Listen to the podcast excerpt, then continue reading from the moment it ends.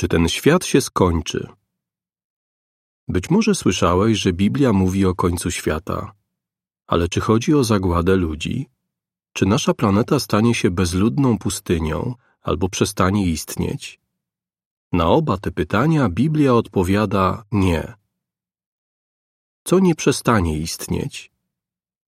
Ludzkość. Co mówi Biblia? Bóg nie stworzył jej, ziemi, bez żadnego celu, ale ukształtował ją po to, żeby była zamieszkana.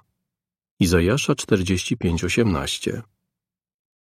Nasza planeta. Co mówi Biblia?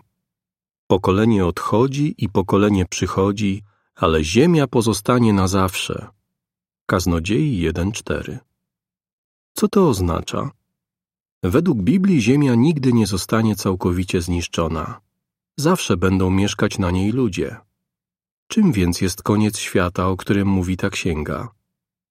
Zastanów się. Biblia przyrównuje nadchodzący koniec świata do tego, co się wydarzyło w czasach Noego. Ziemia była wtedy pełna przemocy. Rodzaju 6:13. Jednak Noe był prawym człowiekiem. Dlatego Bóg ocalił Noego i jego rodzinę z potopu, w którym zgładził złych ludzi. Biblia tak to opisuje. Ówczesny świat uległ zagładzie, gdy został zatopiony wodą. 2 Piotra 3,6 To był koniec tamtego świata. Ale pomyślmy, czy wtedy przestała istnieć nasza planeta? Nie. Zginęli tylko źli ludzie. Kiedy więc Biblia mówi o końcu świata, nie chodzi o całkowite zniszczenie Ziemi. Chodzi o koniec złych ludzi, którzy na niej żyją i instytucji, które stworzyli. Co przestanie istnieć? Problemy i zło. Co mówi Biblia? Jeszcze tylko chwilka i już nie będzie niegodziwych. Spojrzysz tam, gdzie byli, ale już ich tam nie zobaczysz. Natomiast potulni posiądą ziemię i będą się rozkoszować obfitym pokojem. Psalm 37, wersety 10 i 11. Co to oznacza? Potop z czasów Noego nie usunął zła raz na zawsze. Jakiś czas później niegodziwi ludzie znowu zaczęli krzywdzić innych. Ale wkrótce Bóg całkowicie usunie zło. Stanie się tak, jak powiedział psalmista. Już nie będzie niegodziwych. Jak Bóg tego dokona? Zrobi to za pomocą swojego królestwa. Jest to ogólnoświatowy rząd, który będzie sprawował władzę z nieba nad ludźmi posłusznymi Bogu.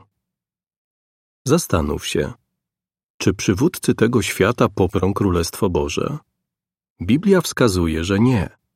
Wręcz przeciwnie, niemądrze przeciwstawią się temu rządowi. Co z tego wyniknie? Królestwo Boże zastąpi wszystkie istniejące rządy, a samo będzie trwać wiecznie. Daniela 2,44 Zachodzi jednak pytanie, dlaczego ludzie nie powinni rządzić innymi? Rządy ludzi muszą się skończyć. Dlaczego? Co mówi Biblia? Do człowieka, który idzie, nie należy nawet kierowanie swoim krokiem. Jeremiasza 10:23. Co to oznacza? Ludzie nie zostali stworzeni tak, żeby samodzielnie się rządzić. Wyraźnie widać, że nie są w stanie właściwie sprawować władzy nad innymi, ani skutecznie rozwiązać ich problemów. Zastanów się. W Encyclopedia Britannica zauważono, że poszczególne rządy nie potrafią pokonać powszechnych wrogów ludzkości, takich jak ubóstwo, głód, choroby, klęski żywiołowe, wojny i inne formy przemocy. Dalej powiedziano, niektórzy uważają, że znaczących postępów w walce z tymi problemami mógłby dokonać tylko jakiś rodzaj rządu globalnego. Ale nawet gdyby wszystkie rządy połączyły siły, i tak władzę dalej sprawowaliby niedoskonali ludzie. Dlatego nie byliby w stanie trwale rozwiązać wymienionych wcześniej problemów.